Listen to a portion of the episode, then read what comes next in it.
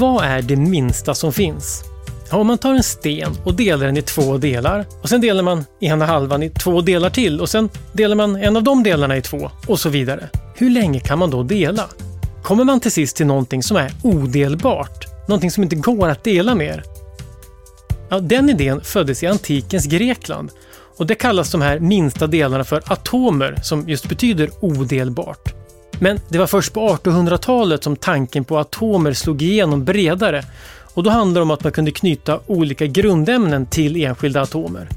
Men sen, samtidigt som man i början på 1900-talet började bevisa att det man kallar atomer faktiskt fanns, så visade det sig ironiskt nog också att de inte var odelbara, utan att även atomen bestod av mindre delar. Först upptäckte man elektronen och sen protonen, neutronen, de partiklar då som bygger upp atomerna. Men det var bara början. Sedan dess har forskare upptäckt en ny värld, ett mikrokosmos på subatomär nivå, där det finns en uppsjö av olika partiklar med egenskaper som ingen hade väntat sig, men som nu hjälper oss att förstå allt ifrån hur materia byggs upp till själva universums ursprung. Ja, idag ska vi ge oss in i partikelfysiken, en liten värld med mycket att upptäcka. Du lyssnar på Idéer som förändrar världen, en poddserie från Nobelprismuseet där jag, Gustav Källstrand, vill försöka förstå mer av de idéer och upptäckter som ligger bakom olika Nobelpris. Första gången en upptäckt av en partikel fick Nobelpriset var 1907 när J.J. Thomson belönades för att ha hittat elektronen.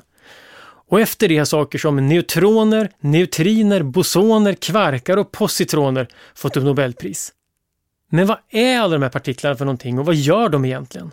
Ja, för att svara på det har jag bjudit hit partikelfysikern Sara Strandberg som är professor vid Stockholms universitet. Välkommen Sara! Tack så mycket! Du är ju partikelfysiker. Vad gör en sån?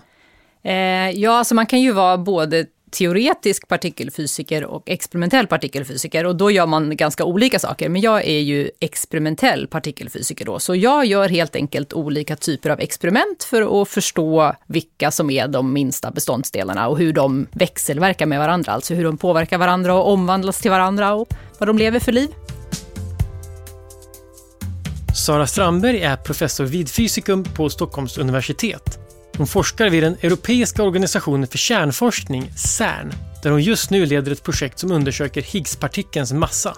2018 fick hon Göran Gustafsson-priset för sin forskning om supersymmetri och dess potentiella roll för mörk materia. 2014 till 2019 var hon också ledamot av Sveriges Unga Akademi för, för länge sedan, eh, i partikelfysikens barndom, så kunde man ju ha ett litet experiment i källaren på sin fysikinstitution. Men, men de tiderna är ju lite grann förbi, för att, eh, och det kanske vi kommer tillbaka till, men det har ju att göra med att de partiklarna generellt sett som vi studerar nu och letar efter är väldigt tunga partiklar. Och då behöver man mycket energi. Om man behöver mycket energi så behöver man en stor accelerator. Och då behöver man gå samman många länder för att både ha råd att bygga den men också ha tillräckligt mycket folk då för att kunna driva den och, och analysera datat ifrån den. Så jag jobbar ju på Atlas-experimentet som är ett av de stora experimenten med den här stora, stora hadronkollideraren som CERN har. Eh, och det är ju 3000 personer som jobbar på det experimentet, så jag är långt ifrån ensam. Det är 3000 per experiment. Exakt. och hur många experiment håller man på med? Det finns ju fyra lite större experiment då, så två stycken med 3000 personer var och sen finns det ett par till med kanske 1000 personer var. Eh, och sen finns det jätte, jättemånga mindre experiment med kanske 50, 100, 200 personer på. Mm. Och är det, liksom, är det drömmen för en partikelfysiker att hamna där? Ja, det, det, får man säga. I alla fall min dröm. Det finns ju förstås folk som är på andra experiment, så man får ju hoppas att det var deras dröm. Men min, jag är på rätt ställe. Ja, men för det är en ganska legendomsusad, den här liksom anläggningen, det har hänt mycket där. Så är det absolut. Och det var ju, jag kom ju till CERN första gången som student då, alltså på universitetet. Eh, och det var ju en helt fantastisk känsla att bara dels få komma dit och gå liksom med alla de här historiska korridorerna, men sen också det här bubblande vetenskapssamhället som det blir, där folk sitter liksom i kafeterian till sent på kvällen och pratar om, om vetenskap och mm. hur världen är uppbyggd. Det är ju det är något som man inte träffar på på så många andra ställen. Så om man är lagd åt det hållet är det ju lite av en drömvärld. Just det, och du var inne på det när vi började också, den här skillnaden mellan experiment och teori, att man gör lite olika saker. De här partiklarna som man upptäcker, är det så att när man gör de här experimenten, är det så att det bara dyker upp saker som man inte väntade sig? Eller är det ofta så att någon förutsäger att det ska finnas partiklar? Min känsla av att det nog är ungefär 50-50. Alltså det, det är ganska många gånger som experimenten går före och man hittar någonting oförklarligt som teoretikerna måste försöka bena upp. Och ett bra exempel på det är ju alla, alla partiklarna som sen visade sig bestå av kvarkar. Liksom det är ett typiskt exempel på att experimentella fysiker hittade massa partiklar som, som teoretikerna sen fick jobba på och förstå. Mm. Men sen finns det ju också motsatsen och där är väl Higgspartikeln ett bra exempel, att, att eh, Higgspartikeln postulerades av teoretiska fysiker redan på 60-talet. Men mm. sen tog det ända till 2012 innan den blev upptäckt av experimentalister. Då. Just det, och tyckte du att det var ett orättvist Nobelpris? Ja, ja. Jag, jag förstår att det var knepigt att lösa det rent praktiskt, så jag, det, det är okej. Vi blev omnämnda, det, bara, det duger för mig. Ja, eh, för bakgrunden där är att, att Higgspartikeln den förutsades och de som förutsade den fick priset men de som upptäckte det fick det inte. Ja precis, men det där är ju, jag tror att det där är väldigt, jag, jag, jag inbillar mig i alla fall att om det hade funnits någon bra lösning på att ge experimentalisterna priset hade ingen haft någonting emot det. Det var ju bara det att när det blir så här riktigt stora kollaborationer så är det svårt att identifiera en person som ska få symbolisera hela det här stora mm. fältet på något vis på ett rättvist sätt. Just det. Vad är det man gör mer specifikt på CERN när man hittar, hittar partiklar? Så det man gör eh, på CERN är ju att krocka protoner med varandra vid väldigt höga energier. Så det man börjar med är egentligen bara en flaska med vätgas, alltså en sån här vanlig flaska som man kan köpa i affären. Mm. Eh, och sen så tar man bort elektronerna från väteatomerna då så att man får kvar bara protoner. Och sen accelererar man de här protonerna med hjälp av elektriska fält då i olika, alltså man börjar med små acceleratorer och sen så skickar man in dem i större och större acceleratorer. Och det, det fiffiga med det är ju att man använder många av de gamla acceleratorerna på Stern då som för-acceleratorer till de liksom nyare och modernare. 1939 fick Ernst Lawrence Nobelpriset för att ha uppfunnit cyklotronen. Det var en maskin som kunde accelerera partiklar och få dem att kollidera i höga hastigheter. Tidigare hade man hittat nya partiklar i radioaktiv strålning eller kosmiska strålar från rymden. Men nu kunde man öka energierna och hitta massor av nya partiklar. De första acceleratorerna var bara någon decimeter i omkrets, men med tiden kom de att växa till först flera meter och idag kilometer. Så man skickar dem eh, i olika ringar liksom efter varann tills man har lyckats accelerera upp de här partiklarna då till riktigt, riktigt höga energier. Och det är ju någon procent under ljushastigheten. Så jätte, jättehöga energier. Och när du säger energi och hastighet, vad menar du med energi när man säger så? Ja, det där är ju intressant för att Energi kan ju vara egentligen två saker och det har ju att göra med den här E är lika med mc kvadrat, den här kända formen av Einstein då, att energi och massa kan omvandlas till varandra. Så en viss energi finns ju inneboende i en partikels själva massa. Men den massan är ju, är ju ingenting som Alltså den vilomassan som man pratar om ingenting som ändras. Ja, det beror i och för sig, det finns olika sätt att se på det, men man kan se det som att jag blir egentligen inte tyngre av att jag rör mig fort. Men däremot så kommer det till en annan energi, nämligen en rörelseenergi som ju då mm. ökar ju snabbare jag springer. Liksom. Och den energin som är intressant för oss är egentligen summan av de där två på något vis. Fast ofta är ju rörelseenergin en mycket större energi. För om man tar de här två protonerna som vi till slut då vill krocka med varandra, så har ju de en ganska liten vilomassa, de är inte så tunga protonerna. Men om vi låter dem åka väldigt, väldigt, väldigt fort, då har de ju en hög rörelseenergi. Och då kommer den energin vara den energin som vi sen kan använda för att skapa massa. Återigen då med hjälp av den här E lika med mc kvadrat. Så om man tar två protoner som liksom susar rakt emot varandra och frontalkrockar, så får man en väldigt hög energidensitet i en väldigt liten volym. Och den energin kommer framför allt då från hastigheten som de här protonerna hade. Och den energin då kommer universum bara ta till sig och så gör den en massa, kan göra massa olika saker med den. Det är lite som att universum kastar tärning. Det finns massa olika processer som finns till universums förfogande. Och vilken av dem som man bestämmer sig för att liksom göra i just den här kollisionen, det är en slumpmässig process. Då. Så i förhand kan man aldrig veta vad som skapas i en sån här kollision. Utan man kan bara göra den om och om igen och sen se att, precis som när man kastar tärning, en mm. sjättedel av gångerna får man en sexa och sådär. Men på förhand kan man inte veta vad det blir. Då är det här E lika med mc2, att E är lika med m är det viktiga då, att energin syns i form av massa. Exakt. Det är som ett fyrverkeri av partiklar och det kan vara vilka partiklar som helst. Precis. Det. Det kan vara vilka partiklar som helst, så länge de inte är för tunga. För man kan absolut tänka sig att de här protonerna inte rörde sig tillräckligt fort. Så att man inte har tillräckligt mycket energi för att skapa en riktigt tung partikel. Och då mm. kommer den inte kunna skapas, utan det finns alltid en gräns för hur tunga partiklar man kan skapas. Och det ges ju då av i princip rörelseenergin på de ingående. Och hur tung är en tung partikel? Den tyngsta partikeln i hela standardmodellen är ju toppkvarken. Den väger 170 gigaelektronvolt och det kan man ju jämföra med andra partiklar, då, till exempel elektronen, så är det väldigt mycket tyngre än en elektron. Okej, okay, så det är litet jämfört med eh, en sten, men det, det, det, är stort jämfört med de partiklar man börjar med. Alltså, det oftast det som händer när man krockar två protoner med varandra är ju att man får helt vanliga partiklar igen. Alltså man kan få två nya protoner, eller i alla mm. fall två eh, Eh, av de här lättare partiklarna som protoner består av.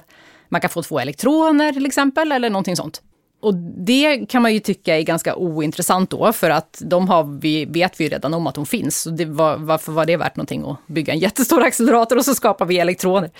Eh, men ganska ofta är faktiskt det intressant ändå att studera de här partiklarna som vi redan känner till, för att det kan vara så att när man tittar på till exempel sannolikheterna för att olika partiklar ska skapas, så beror de här sannolikheterna på inneboende liksom parametrar i vår teori som beskriver världen. Och genom att mäta de här kända processerna väldigt noga så kan man ibland se att det inte stämmer helt överens med det man förväntar sig från teorin. Och då kan man lära sig någonting om hur teorin måste modifieras. Men förutom det då, att man studerar väldigt noga de partiklarna vi redan känner till, så kan man ju också hoppas på då att man lyckas skapa partiklar som vi förut inte har sett. Och det händer ju bara då förstås ifall man har mycket energi till sitt förfogande. För har man ganska lite energi i de här kollisionerna, då kommer man ju inte att hitta någonting som man inte redan kände till. Utan det är ju när man går upp till nya energier och kan liksom utforska ett nytt massområde som man kan förvänta sig kanske att se någonting helt nytt. Så, så liksom det är som att dyka djupare ner i ett hav eller högre upp i en rymd? Eller... Ja, det är nästan som att varje ny accelerator med högre energi öppnar liksom en ny dörr till en mm. ny liten värld där det finns tyngre partiklar. Så när man pratar om en tärning, om vi går tillbaka till den analogin, så är det ju slumpmässigt på så vis att man inte vet liksom var man kommer få ett visst kast. Men man vet ju ändå att det ska bli en sjättedel sexor om, om tärningen har sex sidor. Men om man ser att det bara är en åttondel, då är det något som inte stämmer med den där tärningen. Liksom. Men, men det som är problemet lite just nu i partikelfysiken är ju att vi har en modell eh, för hur, hur liksom den här mikroskopiska världen är mm. uppbyggd, som fungerar väldigt, väldigt bra vi har nästan inte lyckats göra något experiment på jorden som har motbevisat den här teorin, utan allting som vi gör stämmer jättebra överens med den. Men problemet är att det finns en massa fenomen, framförallt när vi tittar ut i universum då, som vi vet att den här teorin inte kan förklara. Så vi behöver utvidga teorin, men vi lyckas liksom inte slå hål på den. Så att vi är lite i det här jobbiga limbo-sammanhanget där vi på något vis har en jättebra teori som vi vet inte stämmer och vi kan inte förstå riktigt hur det hänger ihop.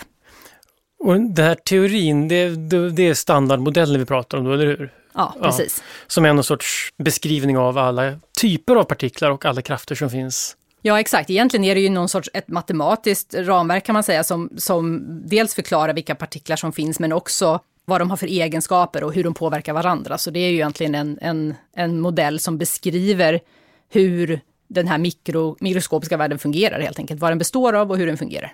Jag tänkte, vi, jag tänkte vi kanske återkommer lite till mer hur den exakt ser ut, men jag tänkte vi går in lite i vad, vad den faktiskt består av, vilka de här partiklarna finns. Du har nämnt redan ett par partiklar, både protoner och elektroner och det tror jag är partiklar som man ändå känner igen, för det är de som tillsammans med neutroner bygger upp atomer, eller hur? Precis, det är i alla fall det man lär sig i skolan och mm. det är liksom en sanning fast med lite modifikation. Men men om vi börjar med det enkla då, så, så lär man sig ju att eh, en atom består ju av en atomkärna och elektroner.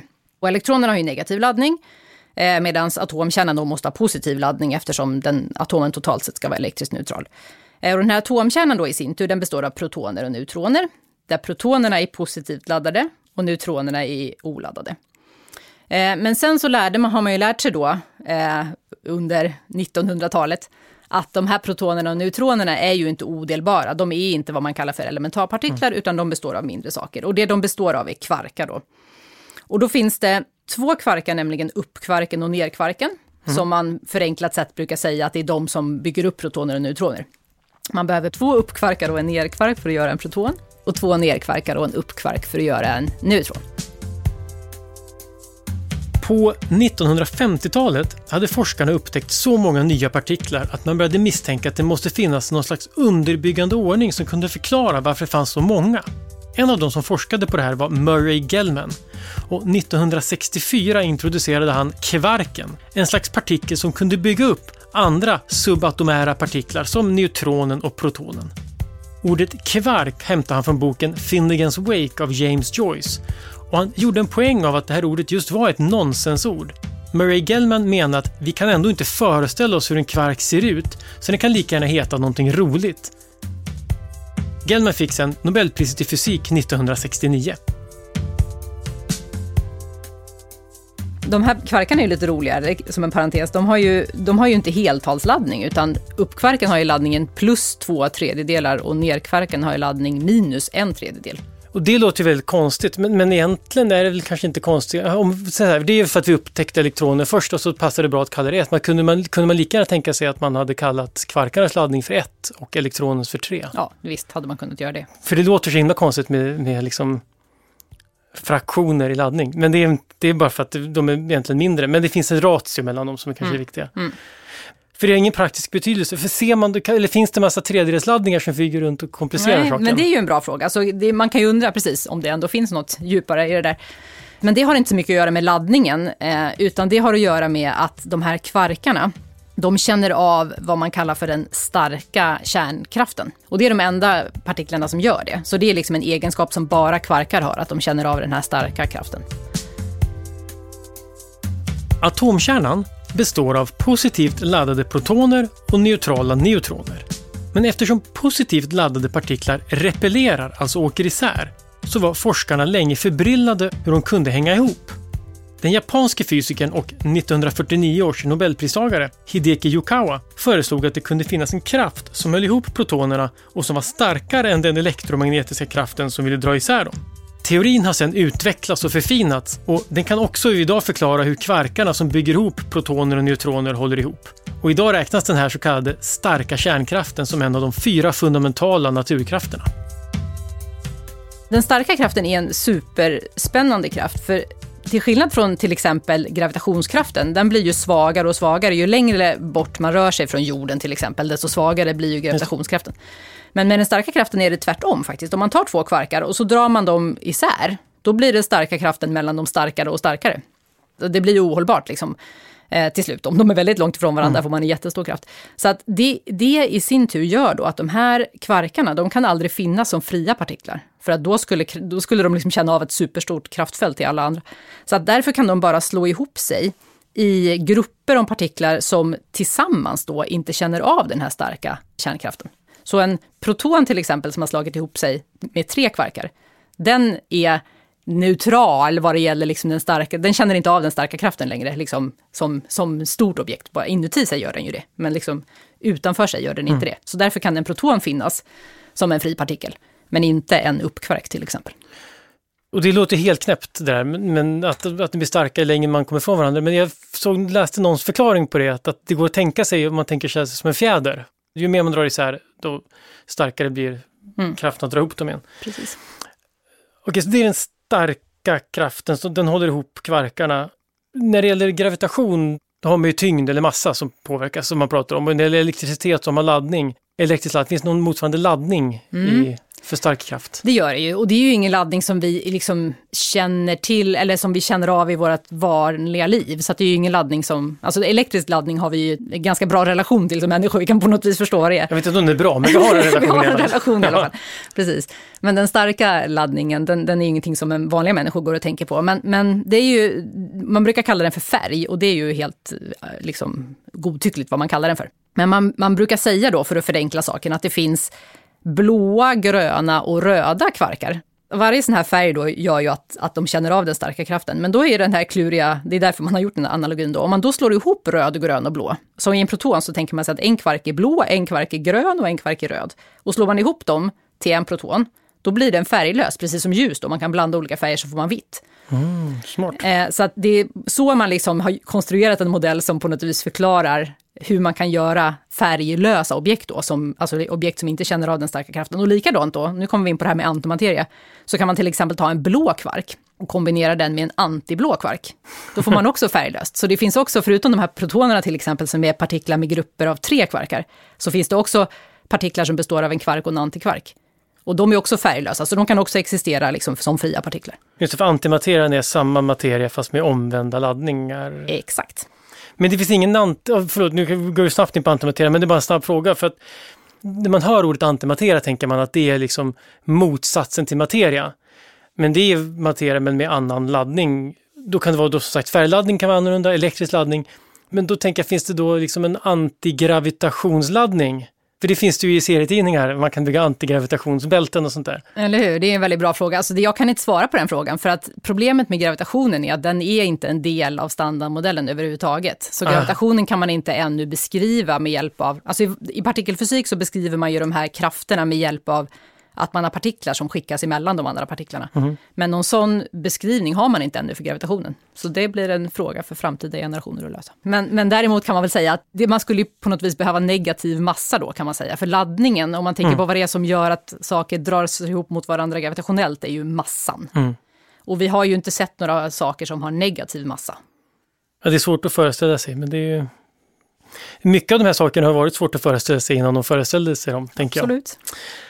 För att summera var vi befinner oss så har vi alltså atomen och den har liksom sina delar då, elektronen och så har vi proton och neutron i mitten och de är inte heller då de minsta delarna utan de byggs upp av upp och ner kvarkar.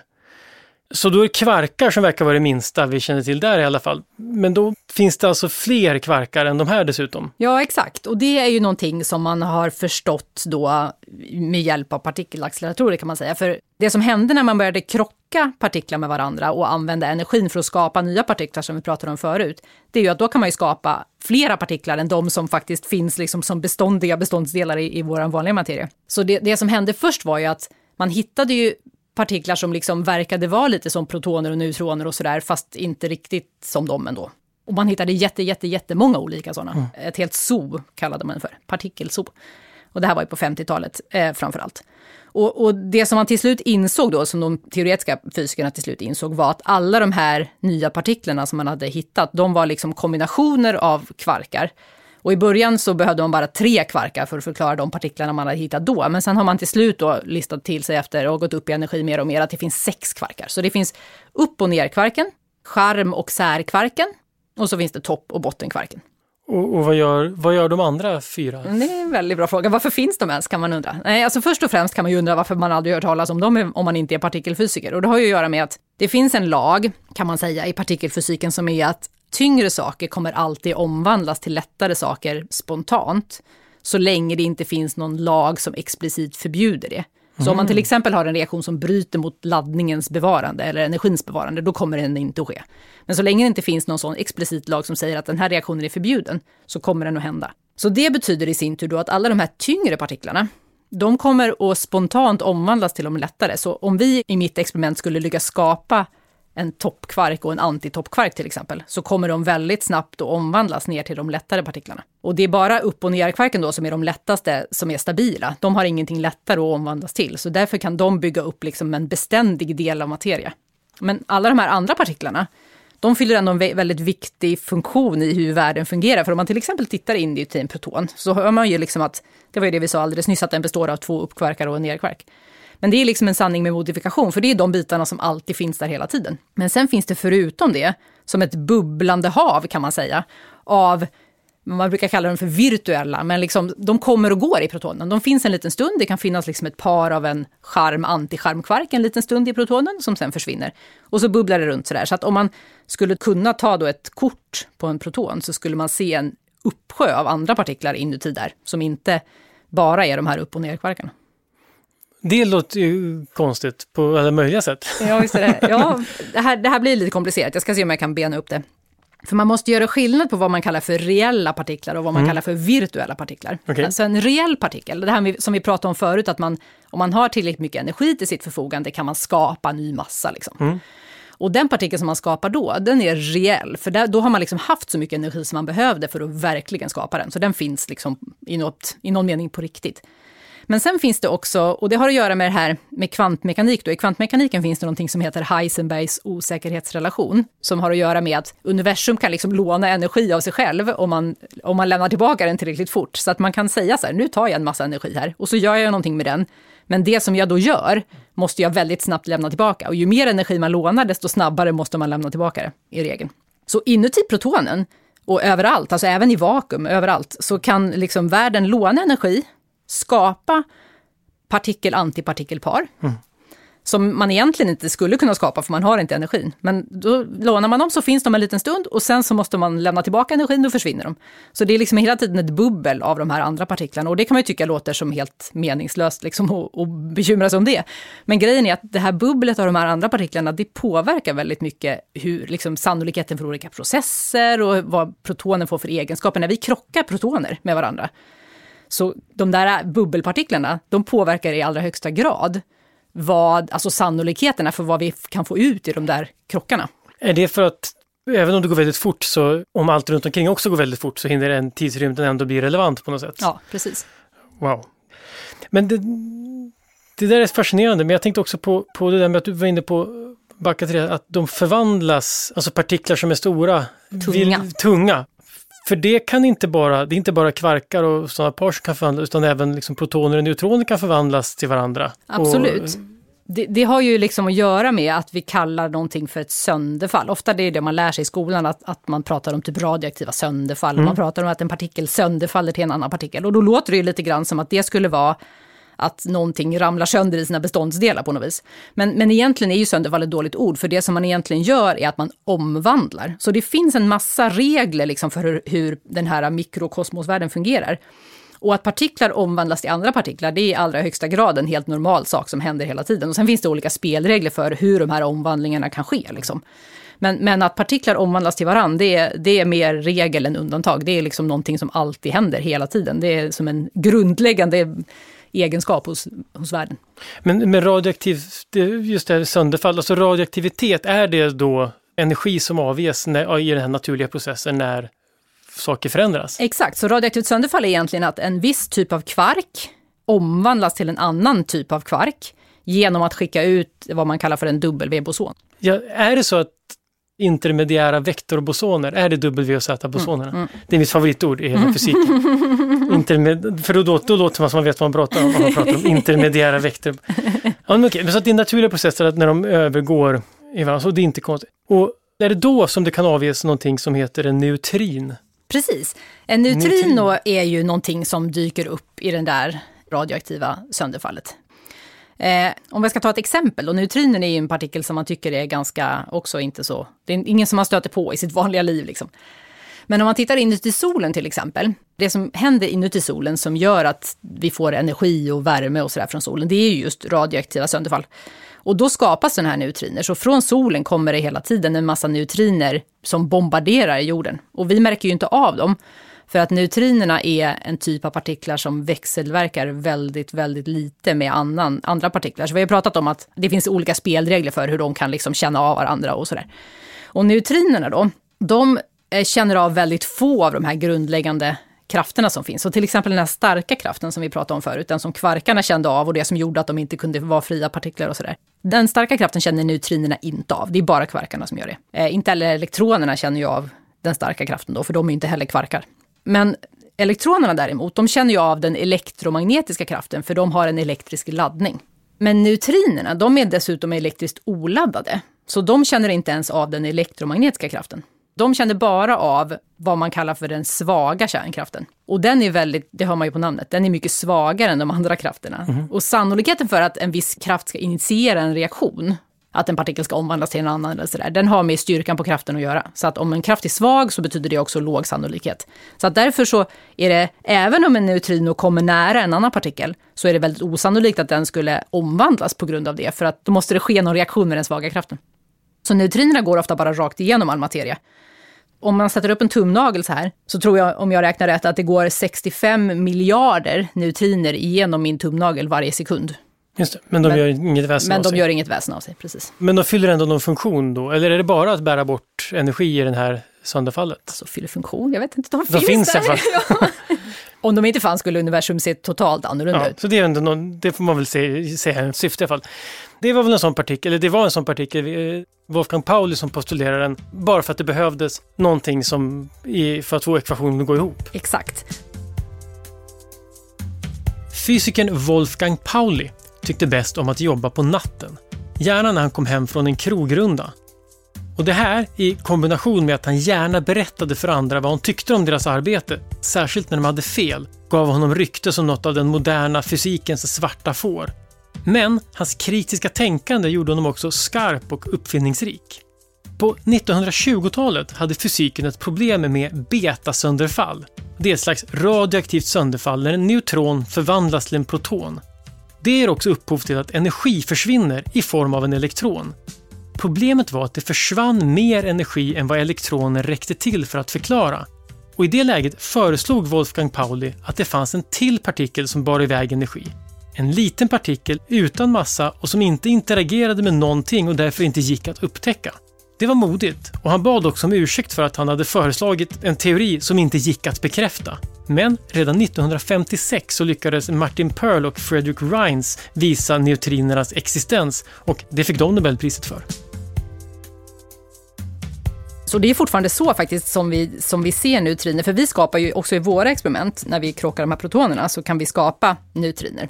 Och då kan vi inte se dem, alltså de gör ingen signal i vår detektor. Så att för att vi ska kunna se att det har skapats en neutrino i vårt experiment så måste vi använda precis samma trick, nämligen att vi kan summera ihop rörelsemängden för alla de partiklarna som vi kan se.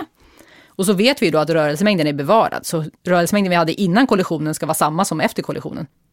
Och om det inte stämmer då, då vet man att man har skapat en osynlig partikel. Och i standardmodellen, eller den här modellen som vi har då, då är det bara neutrinerna som är osynliga. Så då vet vi att det var en sån. Då har vi nämnt de här fyra krafterna, elektromagnetisk, stark, svag och så gravitation. Och gravitationen spelar inte så stor roll när vi pratar om det vi pratar om just nu. Men det finns också, då, det är också en sorts partikel, vi har nämnt ordet boson några gånger, det kallar man för kraftpartiklar, typ. Alla de här partiklarna som vi har bubblat om än så länge, alltså kvarkarna och elektronerna och neutrinerna. Alla de är en typ av partiklar som man kallar för fermioner. Och det är liksom ett kvantmekaniskt begrepp som har att göra med, alltså som ger en partikel vissa kvantmekaniska egenskaper. Det som är speciellt för fermioner då, det är att de lyder under den här Paulis, eh, åh gud, det ex- uteslutning? uteslutningsprincip heter det på svenska, exclusion principle. Eh, Så det betyder att två stycken fermioner kan aldrig befinna sig i samma kvantmekaniska tillstånd samtidigt. Och det är det som gör till exempel att elektronerna runt atomkärnorna, de bygger upp sina skal. För att när man har stoppat två elektroner i det innersta skalet, då är det fullt, då finns det inga mer kvantmekaniska tillstånd att, att liksom besätta. Så då måste man eh, gå till ett nytt skal. Eh, och det gör ju att fermionerna är partiklar som är väldigt bra på att bygga upp materia då kan man säga. Så de kan bygga upp strukturer som har en volym på något vis. Medan bosoner då, det är partiklar som har andra kvantmekaniska egenskaper. Och bosonerna tycker tvärt emot om, jättemycket om att vara i samma kvantmekaniska tillstånd som andra bosoner. Så därför så fyller bosonerna en helt annan liksom, funktion i våran värld. Och det de gör är som sagt då att, att förmedla olika typer av, av krafter mellan de andra partiklarna. Och då är vi inne på också, vi pratar om standardmodellen, nu börjar vi liksom bena ut den, att den grundläggande skillnaden där det är mellan de här fermionerna och bosonerna. Precis. Hur, hur kan man tänka på att en partikel förmedlar kraft? För det känns spontant lite konstigt. Det där är ju svårt. Alltså, nästan alltid när man håller på med partikelfysik, eller för den del andra liksom begrepp som vi inte är vana vid från våra vardagliga liv, så är våra hjärnor väldigt dåligt utrustade för att, liksom bildligt kunna se vad man menar. Det finns liksom inga bilder vi kan ta till som, som passar ihop med de här fenomenen. Men det man ibland säger är ju, om man tänker sig att man står två personer i var, inte för att man ska stå i en båt då, men om man nu ändå står i en båt ute på sjön, en liten roddbåt, och så har man en kompis bredvid som står i en annan roddbåt. Och sen så kastar man en boll mellan sig, den här bollen ska väl vara ganska tung då om det ska funka. Då, då kommer ju de här båtarna åka ifrån varandra. Och det är ju ett exempel på att om man liksom utbyter någonting så kan man få en repellerande kraft. Just det. Men samtidigt så finns det ju också attraherande krafter, så det är lite svårare att se hur man ska kunna kasta en boll som får de här två båtarna att åka ihop. Liksom. Men, men Ja, ändå... Det funkar för antigravitationen, Ja, som ja, inte finns. precis. Men, men om man tänker den analogin och tänker tvärtom så... Ja, alltså det är inte säkert att antigravitationen inte finns. som vi inte vet om den Nej, finns. Nej, precis, men vi vet inte om den finns. Men lite så kan man väl se det som, att, man, att på något vis så utbyter man i alla fall information mellan de här två partiklarna genom att skicka en annan partikel emellan dem. Precis, och de, här, och de, och de mest kända sådana partiklarna det är eh, fotonerna, tänker jag. Absolut, det får man nog säga. För om man ska ta det då så är det ju så att, att fotonerna är ju då, vi känner ju igen dem som ljuspartiklar liksom. Men det de är för oss partikelfysiker är budbärarpartiklarna för den elektromagnetiska kraften. Så varje gång som det skickas ut en foton från solen så är det ett tecken på att där inne skedde det en reaktion som förmedlades av den här elektromagnetiska kraften. Just så, det, så fotoner, de, det är inte bara ljus utan det är också radio och mikrovågor och allt annat, alla andra vågor som vi känner till. Så är det. Det är bara eller... det att ett visst våglängdsområde så kan vårt öga se mm. dem. Då kallar vi det för optiskt ljus kanske, eller synligt ljus kanske. Och de antar att de här Z-bosonerna fungerar ungefär på samma sätt som är svårt att föreställa sig fast för den svaga kraften. Exakt. Det finns både Z-bosoner och W-bosoner och båda de är budbärarpartiklarna för den svaga kraften. Och starka kraften har också en boson. Ja, precis. De förmedlas ju av gluoner då. Och det, det, namnet kommer ju av att de limmar ihop atomkärnan, då, glue på engelska. Men sen finns det ju också Higgs-bosonen. Just det. Och den är också en boson då, men den är till skillnad från de andra bosonerna vi har pratat om inte en boson som förmedlar en liksom, fundamental naturkraft. Den har också, vi har inte gått in på det förut, men det finns någonting som heter spin, som är en kvantmekanisk egenskap. Och alla fermionerna har halvtaligt spin, och oftast då spin en halv. Medan bosonerna har heltaligt spin. Och då alla de här W och Z och så, de har spin men Higgspartikeln har spin 0. Så båda de är ju heltal, men de är olika heltal och därför får de också olika funktion. Och om man nu, om man nu är mer så här hobbyintresserad av partiklar, då, då, behöver man inte veta så mycket mer om spin än att det finns, det är en grej som finns. Ja, precis som en partikel kan ha en laddning så kan den också ja, ha ett spin. Och utan att veta vad spin är förstår man att då är Higgs lite speciell. Exakt, det är den enda partikeln som vi känner till som har spin 0. Så det, det är liksom, vi hittade en helt ny typ av partikel när vi hittade Higgspartikeln. Så det var ju av den anledningen spännande ja, jag ska inte fråga vad den är bra för, men, men vad, vad, vad fyller den för en funktion? Vad fyller den för funktion? Ja, precis. Eh, nej men så här är det, om man går tillbaka då till 60-talet så hade man ju utvecklat det här matematiska ramverket för hur man skulle beskriva alla de här elementarpartiklarna och det vi, alltså embryo till det vi idag kallar för den här standardmodellen. Men man hade ett problem då och det var att man kunde inte lyckas konstruera en teori som tillät de här alla partiklarna att ha en massa. Så fort man försökte ge dem en massa så blev teorin obrukbar och började spotta ur sig massa oändligheter. Den liksom blev inte, gick inte att räkna med. Eh, och det som eh, Braut och Angler och Higgs då bland annat ungefär samtidigt insåg var att man kan införa den här Higgs-partikeln i teorin och låta Higgs-partikeln generera massorna åt de andra partiklarna. Och sig själv också för den delen.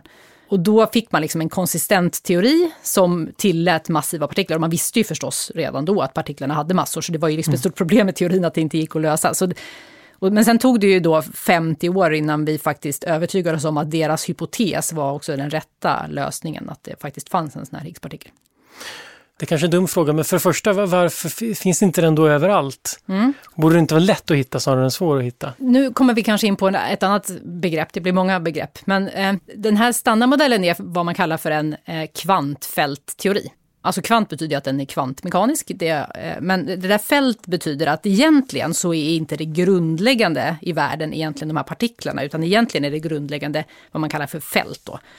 Och fält är ju också ett väldigt abstrakt begrepp. Alltså man, en del av, som lyssnar kanske är vana vid typ elektriska fält. Mm. Fält är ju egentligen bara att i alla punkter i rummet så finns det liksom en siffra eller en siffra och en riktning som på något vis definierar mm. någon sorts egenskap. I ja, gravitation är enkelt fält ja, att tänka sig. Att precis. man befinner sig på en viss höjd över havet, det är väl en Exakt. sorts fältposition. Precis. Då. precis.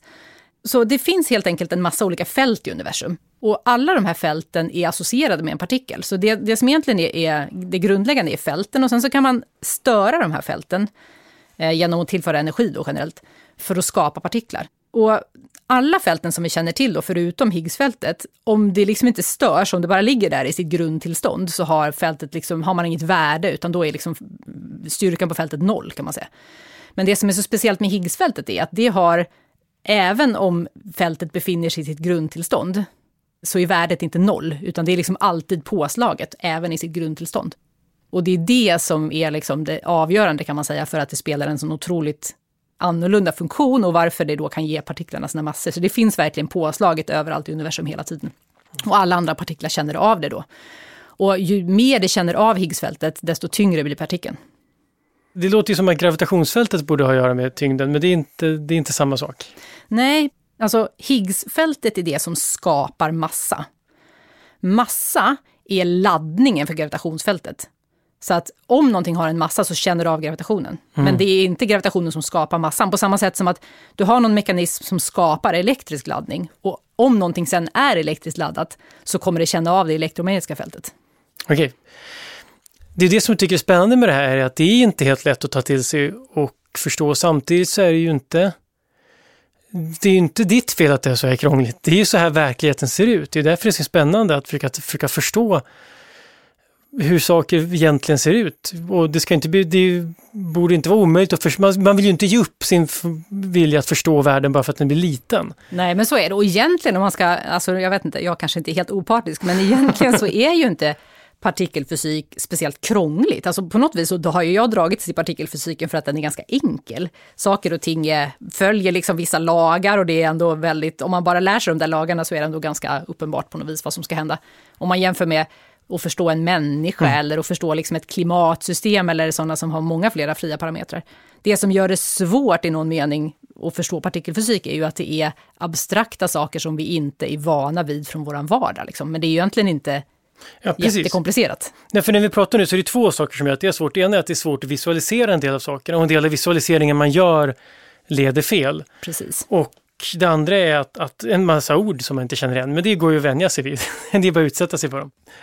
För det jag märker när man, när man, om man nu är lite intresserad av vetenskap och inte minst om man är intresserad av Nobelpris och så läser man på försöker man hänga med, då, då dyker det upp sådana här samlingsord för partiklar som man ibland snubblar på. Nu har vi rätt ut vad bosoner och fermioner är, men sen finns det liksom fler nivåer av, för det finns också olika andra kategoripar.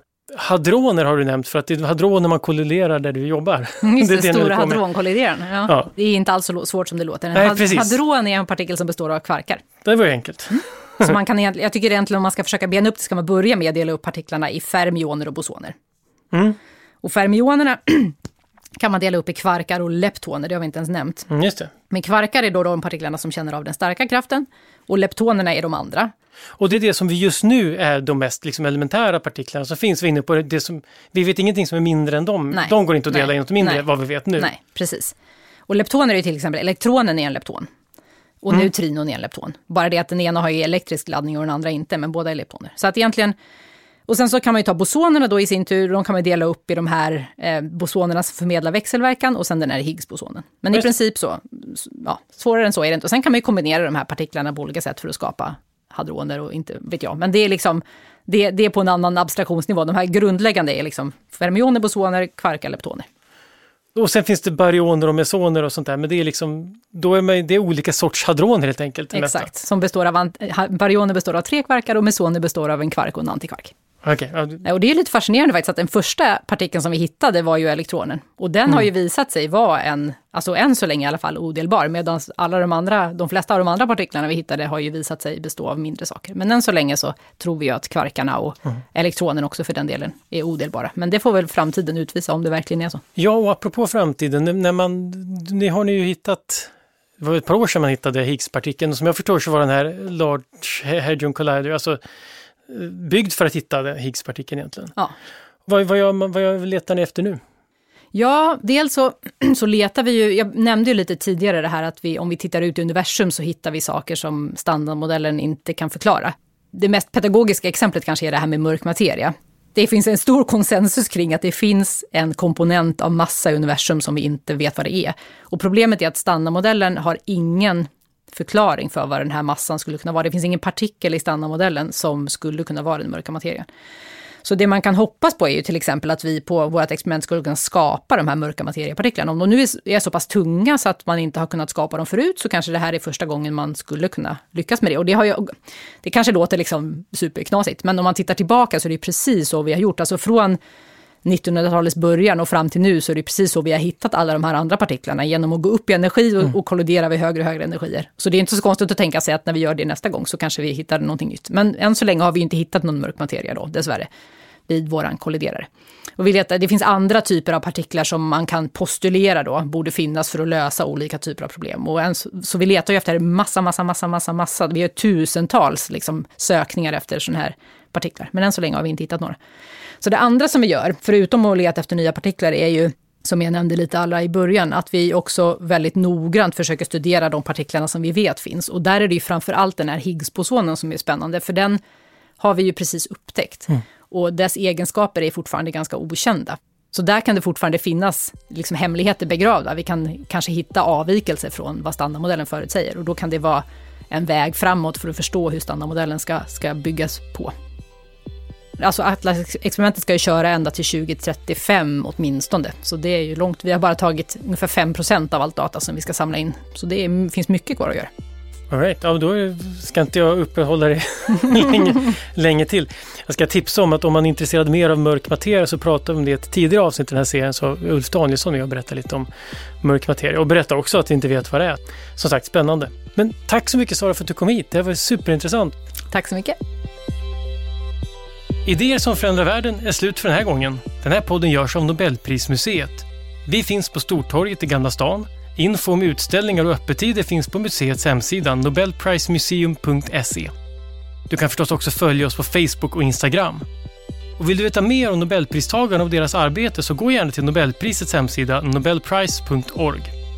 Och ett stort tack till Nobelprismuseets huvudpartners Nibe Group och EF Education First som möjliggör Nobelprismuseets verksamhet.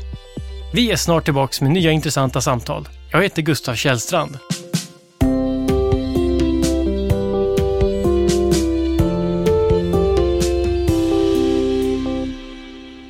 Idéer som förändrar världen produceras av Filt Hinterland för Nobel Prize Museum